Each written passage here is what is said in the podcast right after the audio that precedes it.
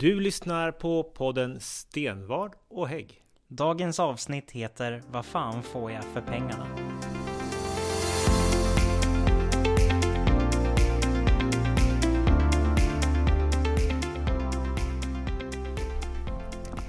Välkommen till eh, novemberavsnittet av podden Stenvard och Hägg.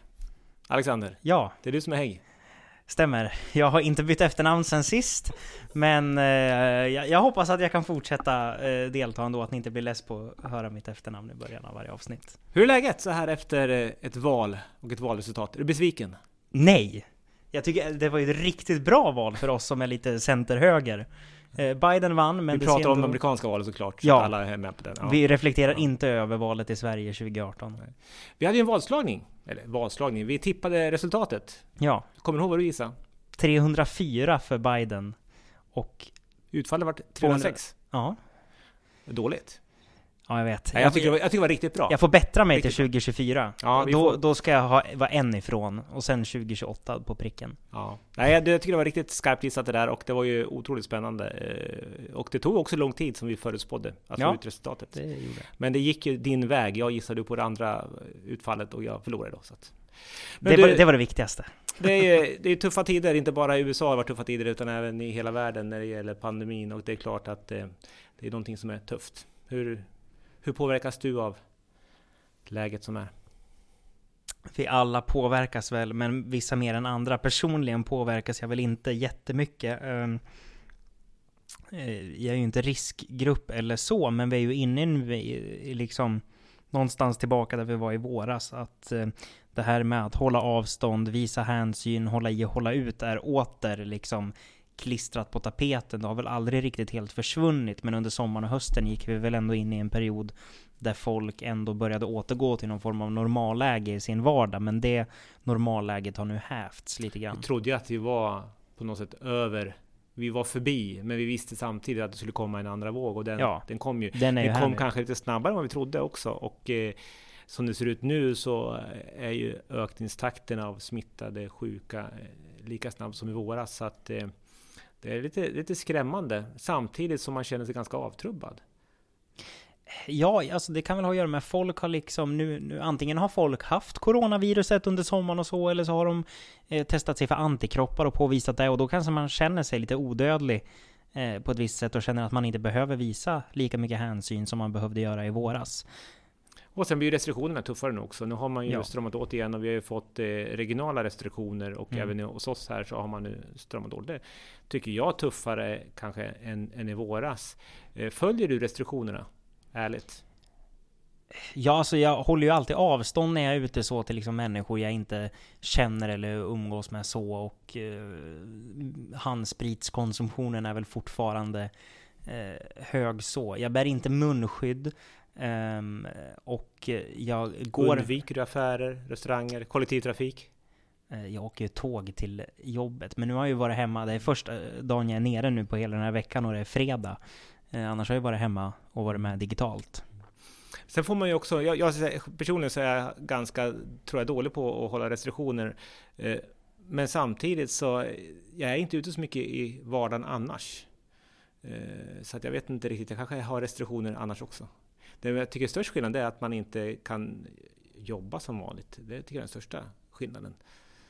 Eh, sen är min, mina, mina barns fritidsaktiviteter såklart påverkas. Det, det påverkar ju mig också så. Men eh, jag, jag tror nog att den trötthet man har gör att man kanske inte riktigt följer restriktionerna som man eh, förväntas göra. Eh, men, och då är frågan, får man, har du coronaskam? Om du nu inte följer? Skulle du våga berätta det för någon? Nej. Eller alltså att jag, jag har väl, jag känner väl ingen corona-skam så. Jag kan väl tänka mig att om man skulle gå ut och äta på restaurang idag så skulle folk liksom skrika sig hesa över att man vågar liksom riskera livet på folk genom att gå ut och äta. Men då ska man ju också komma ihåg det vi pratade om i våras, att stötta din lokala företagare var ju liksom någonting vi eh, körde på hårt då och det gäller väl fortfarande än idag. De klarade sig ju över den vårens kris, gick ju Mm. ganska bra för, för, för alltså ganska bra. Några gick det ju dåligt för, men, Mm. men det gick ju hyfsat så ska Mm. man säga. Eh, nu kommer en andra våg och det är klart, det kommer ju påverka ekonomin för restaurangerna Mm. och hotellnäringen, turismen, allt det kommer påverkas, gans, påverkas ju rejält. Mm. Så det är tufft ekonomiskt. Och det är det Och- vi ska prata om nu. Precis, det här avsnittet handlar ju faktiskt om eh, eh, ekonomi. Ja. Och det handlar ju om, eh, inte företagens ekonomi, utan om eh, regionens ekonomi. För det har ju varit ett tufft läge också under det här, under det här året. Mm. Eh, Det har varit ett tufft läge ekonomiskt under många år i Mm. regionen. Men i år så var det kanske ännu mer uppenbart i våras när eh, det tog tvärstopp och vi såg att det här skulle gå åt riktigt, riktigt åt skogen. Mm. Ekonomiskt. Men nu är det gröna siffror. Allt är frid och fröjd. Skriker eh, den sosseledda majoriteten i alla fall. Eh, men det har väl mest att göra med att staten har öst eh, statsbidrag eh, på oss så det skriker om det. Eh, men den verklighetsbilden passar inte sossarna och majoriteten så bra. Det är ganska farligt att ropa på nu är allting frid och fröjd Ja. för att man får tillfälliga statsbidrag som räddar upp ekonomin. Mm. Så vi gör kanske ett historiska överskott i år. Ja, Samtidigt som vi säger vi har inte råd att betala högre löner till våra medarbetare som gör ett fantastiskt jobb i, i den situation vi är i. Eh, men vi gör ett jättestort överskott. Så det här är lite motsägelsefullt. Vi ska gräva ner oss lite grann i de ekonomiska delarna, för det är ju budgettider. mm. Eh, I november nu så tar ju regionen vår budget inför 2021 Mm. där vi ska fördela de ramar som finns. Eh, De pengar som ska gå till sjukvård, Mm. kollektivtrafik och sånt. Så vi ska gå in lite grann på det där. Mm. Eh, och se om vi kan få en liten rätsida på det hela. Om vi då ska komma in på regionens ekonomi och eh, titta lite grann på den så har vi ju som intäkter till regionen 10 000 miljoner, eller 10 miljarder. 10 miljarder. 10 Lättare miljarder. att förstå. Men det är 10 000 miljoner. Mm. Oerhört Bra. mycket pengar. Mm. Som kommer ifrån eh, dig och mig och, och eh, alla andra som arbetar. Precis. Eh, och eh, det innebär att man betalar av en hundralapp man tjänar så betalar du in 11 och 51, Stämmer. stämmer, till regionen. Svar ja. Eh, som vi kan använda för att fördela ut och betala hälso och sjukvård och andra delar. Men det är inte bara de enda intäkterna vi har. Vi har ju också mer saker som vi får in. Statsbidragen Precis. Staten ger oss pengar också. kommer från ja, men om eh, det du betalar när du handlar mat och tankar bilen och allt det där göttiga du roar dig med i din vardag. Går till staten och så ger de ut en del till oss. Ja. Och så har vi också intäkter. Som innebär när du går besöker sjukvården, betalar en patientavgift. Eller Eller, om buss. du åker buss, Bussbiljett. så betalar ju de flesta i alla fall. Eh, Får vi hoppas. Ja, i de här tiderna så är det lite si och så med det, men man ska betala när man går på bussen, viktigt. Eh, och det går också intäkter till oss. Ja. Och de pengarna kan vi använda att eh, fördela och använda till bra saker. Ja. Så de här 10 miljarderna så lägger vi, hur mycket lägger vi på hälso och sjukvård? 80 procent. 8 miljarder, Åtta miljarder. är hälso och sjukvård. Ja. Den största delen absolut går till just hälso och sjukvården. Och sen har vi en del annat också, bland annat eh, den nämnd som du ansvarar för. Ja. Hållbarhetsnämnden. Ja. Hur mycket får ni av våra 10 miljarder? Eh, vi får eh, 450 miljoner, men totalt har vi väl en omsättning per år på ungefär eh, en miljard. För mycket av de eh, intäkter som kommer till regionen är ju just inom kollektivtrafiken. Ja. Ungefär hälften av den kostnad man har för att köra buss och tåg tas av biljettintäkterna.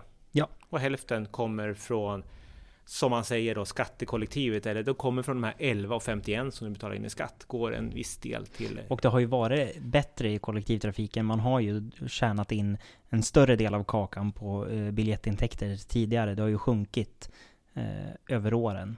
Mm. Tyvärr ska man säga. Precis, för vi driver ju ändå på att man ska ta ut mer i avgift kanske, och så finns det andra partier som inte vill ta ut en avgift alls. Precis. Så att eh, det där är ju en eh, väldigt politisk fråga. Ja. Eh, Så vi kanske får fördjupa oss i vid något annat tillfälle när vi kanske kommer prata om mer om just kollektivtrafiken. Mm. Men som sagt var, av våra 10 miljarder så går 8 miljarder till hälso och sjukvården. Eh, och en miljard säger vi går till kollektivtrafik och de delarna. Ja. Och så är det ytterligare en miljard. Vad går de till då? Säg det du! Det är det här vår överbyggnad. Administration, bland annat. Eh, vi har kulturverksamhet vi finansierar. Folkhögskolor. Folkhögskolor. Viktiga verksamheter men som också kostar en del pengar som ska finansieras av de, de intäkter vi har helt enkelt. Men det är här vi träter om nu I på budgettid. budgetfullmäktige. Eh, skiljer sig jättemycket mellan olika budgetförslag. Det beror på vad man definierar som mycket. Vi lägger ju 200 miljoner mer på hälso och sjukvård än vad eh, majoriteten gör i sitt budgetförslag. Och hur kan vi göra det om vi har, för vi har samma intäkter ungefär? Vi har ju samma skattesats, 11,51. Ingen vill varken höja eller sänka skatten. Så det är samma intäkter där. Vi har samma statsbidrag från regeringen. Vi vill inte höja några avgifter direkt. Hur kan man då få att vi kan lägga mer på hälso och sjukvård? För att de lä lägger eh, mer på lite annat. Ja, precis. Och de lägger också en del på att ha, att ha sparat undan, så att säga. De har reserver. Ja, och vi betar ju också ut lite besparingar i våran budget. Ja. Eh, bland annat så har ju vi med ett anställningsstopp inom central administration och även ett stopp för att ta in konsulter med i vårt förslag. Det är inte jättemånga miljoner, men det är i alla fall en viss besparingspott som vi för tjänar in då. Det är ju som ens egen hushållsekonomi. Ja. Man har vissa antal intäkter. Eh, antingen då för att kunna spendera mer så måste man ha mer intäkter. Ja. Eller om man vill, eh, tycker sig kanske räcka med lite mindre intäkter eller behålla de intäkter man har, då kanske man måste hålla ner sina utgifter. Och det är väl här som är själva kärnan för regionen, att vi anpassar. För det har man ju inte lyckats med hittills. Nej. Hälso och sjukvården som ändå får de här 8 miljarderna har ju spenderat mer än de pengar de får. Under en väldigt lång tid. Under väldigt många år. Och det funkar inte i längden. Nej. Det har funkat så här långt eftersom att man då har, vi har fått in extra pengar från staten och det har ju varit så under en högkonjunktur så brukar det vara så att det jobbas mer än vad vi planerar för. Då innebär det som vi sa tidigare att ju mer man jobbar desto mer intäkter får vi. Eh, och då har det räddat oss. Nu när vi ser att man jobbar mindre än vad vi har tänkt oss i och med pandemin och de konsekvenser den får så är ju risken stor, eller det är så att vi kommer få mindre skatteintäkter. Och då måste vi antingen öka skatteintäkterna genom att höja skatten eller försöka anpassa oss därefter. Ja. Så att eh, det är en viss skillnad och det kommer vi att ha en, en, en tuff debatt. Vad är, det, är det något mer som skiljer? Som man gör i en budgetdebatt. Det handlar ju en del om att vad man vill att vi ska göra. Det kan ju, alltså, De uppdrag vi ger, tänker du på? Precis. Det är inte bara en budget. Det handlar inte bara om siffror. Det handlar ju också om vad vill man att man ska göra. Bland annat att vi ska, vi pratar mycket om personal. Personalfrågor. Vi avsätter ju 100 miljoner i eh, för um, Ökad bemanning. Utökad bemanning. Fler vårdplatser och bättre arbetsvillkor. Svar ja. Arbetsmiljön. Arbetsmiljö och arbetsvillkor är viktigt för att vara en attraktiv arbetsgivare. För det vet vi också att om vi inte har anställda som gör vårdens, vårdjobbet, då måste vi hyra in personal. Och det är dyrt. Vi har groteskt stora kostnader för inhyrd personal och det beror på att det är alldeles för många sjuksköterskor, läkare som inte vill vara anställda och jobba hos oss utan som kommer hit på som ja, konsulter eller inhyrd personal mm. eh, som kostar mer än dubbelt så mycket. Och det är ju därför vi gör den här satsningen eh, där vi lägger 200 miljoner mer än majoriteten inom hälso och sjukvården. Eh, och det här är ju problem vi har fått återberättat för oss. När vi träffar eh, vår personal på golvet inom sjukvården och när vi träffar företrädare från Vårdförbundet bland annat så är ju det de pekar på när man diskuterar vad ska man göra för att få fler att vilja stanna i yrket Eh, vad ska man göra för att få högre personaltäthet? Så är ju arbetsmiljön ett återkommande liksom eh, samtalsämne när man träffar pe både personal och eh, fackliga företrädare. Så är det ju arbetsmiljön de pratar om. Eh, och det är ju därav den här satsningen också kommer, för att vi ska få mer eh, personal som både vill jobba och som väljer att stanna i jobbet mm. eh, hos oss. Eh. Men då blir frågan, vill inte de andra att människor ska vilja jobba hos oss? Det vill de säkert, men då får man ju prioritera därefter lite grann, tänker jag. För det har ju varit så att eh, man har ju hela tiden pratat om att vi vill ha in mindre hyrläkare, stafettläkare, mm. mer anställda fasta läkare. Det är en ekonomisk anledning men framförallt så är det ju för att det blir bättre för patienterna ja. att träffa samma läkare varje gång man kommer. Men, men majoriteten och sossarna framför allt eh, går ju alltid lite grann på det här med alla åt alla. Och när man driver en politik som går ut på att ge allting åt alla så man, är det sällan man gör alla nöjd utan alla får liksom lite halvdant därefter. Eh, men i en budget så måste man faktiskt prioritera och vi har ju gjort solklart för oss att i vårt budgetalternativ som vi har gjort med våra samarbetspartier så är ju hälso och sjukvården och vår personal vi prioriterar. Det är väl absolut högst aktuellt i pandemitider. Eh, det är ju de som slitit absolut hårdast i frontlinjen under eh, coronapandemin. Men sen ska vi vara ärliga och säga att eh, när det här sänds så har vi haft budgetdebatten och jag skulle bli väldigt överraskad om våran budget vinner. Ja, de har ju ändå en majoritet och jag har ju svårt att se att någon företrädare från majoriteten skulle rösta på något annat budgetförslag. Men varför lägger vi då en budget som vi vet inte kommer gå igenom? Därför att man ska kunna liksom peka ut kontraster och ändå utgöra ett viktigt alternativ när man kommer till valet 2022 utgöra ett alternativ till den nuvarande majoriteten. Att väljarna ska veta att det finns en annan väg att gå, att det finns en annan ambition. Och det finns också exempel på när vi har lagt ett budgetförslag som har förlorat, mm. så har man från tjänstemännen och majoriteten sett att det här är ganska bra förslag. Och så har det nästa år dykt upp. Man kan ju inte säga ja till vårt förslag, men sen dyker det upp i, i samma tappning fast ifrån deras håll mm. och då går det igenom. Mm. Jag har ett exempel på den. Det är för flera år sedan så gjorde vi en lönesatsning just för sjuksköterskor. Vi sa mm. att vi ska lägga 10 miljoner extra varje år på att öka sjuksköterskelönerna mm. utöver vanlig löneutveckling. De där 10 miljonerna la vi in i ett budgetförslag och då var vi oansvariga, det gick inte igenom. Det var helt omöjligt att få igenom det. Året därpå, då dök det upp i majoritetens förslag och sen mm. hängde det med under ganska många år som visade på att det visar ju då på att vi faktiskt kan lägga förslag som kanske något år senare ändå kommer in på något sätt. Ja. Så där gör vi ju faktiskt skillnad, men det tar lite längre tid. Så det hade varit bättre om man hade haft en moderatledd regionledning, för det hade kommit på en gång. Det är väl också ganska återkommande med sossarna, både här och nationellt, tänker jag. Att det är väldigt ofta som förslag vi eh, lägger, om vi tar nationellt som exempel, att om vi lägger ett att om vi vill strama åt immigrationen, då är vi liksom SD-kramande nästintill rasister enligt eh, sossarna. Sen går det någon månad så dyker samma förslag upp från dem, för att då är det att förhålla sig till verkligheten.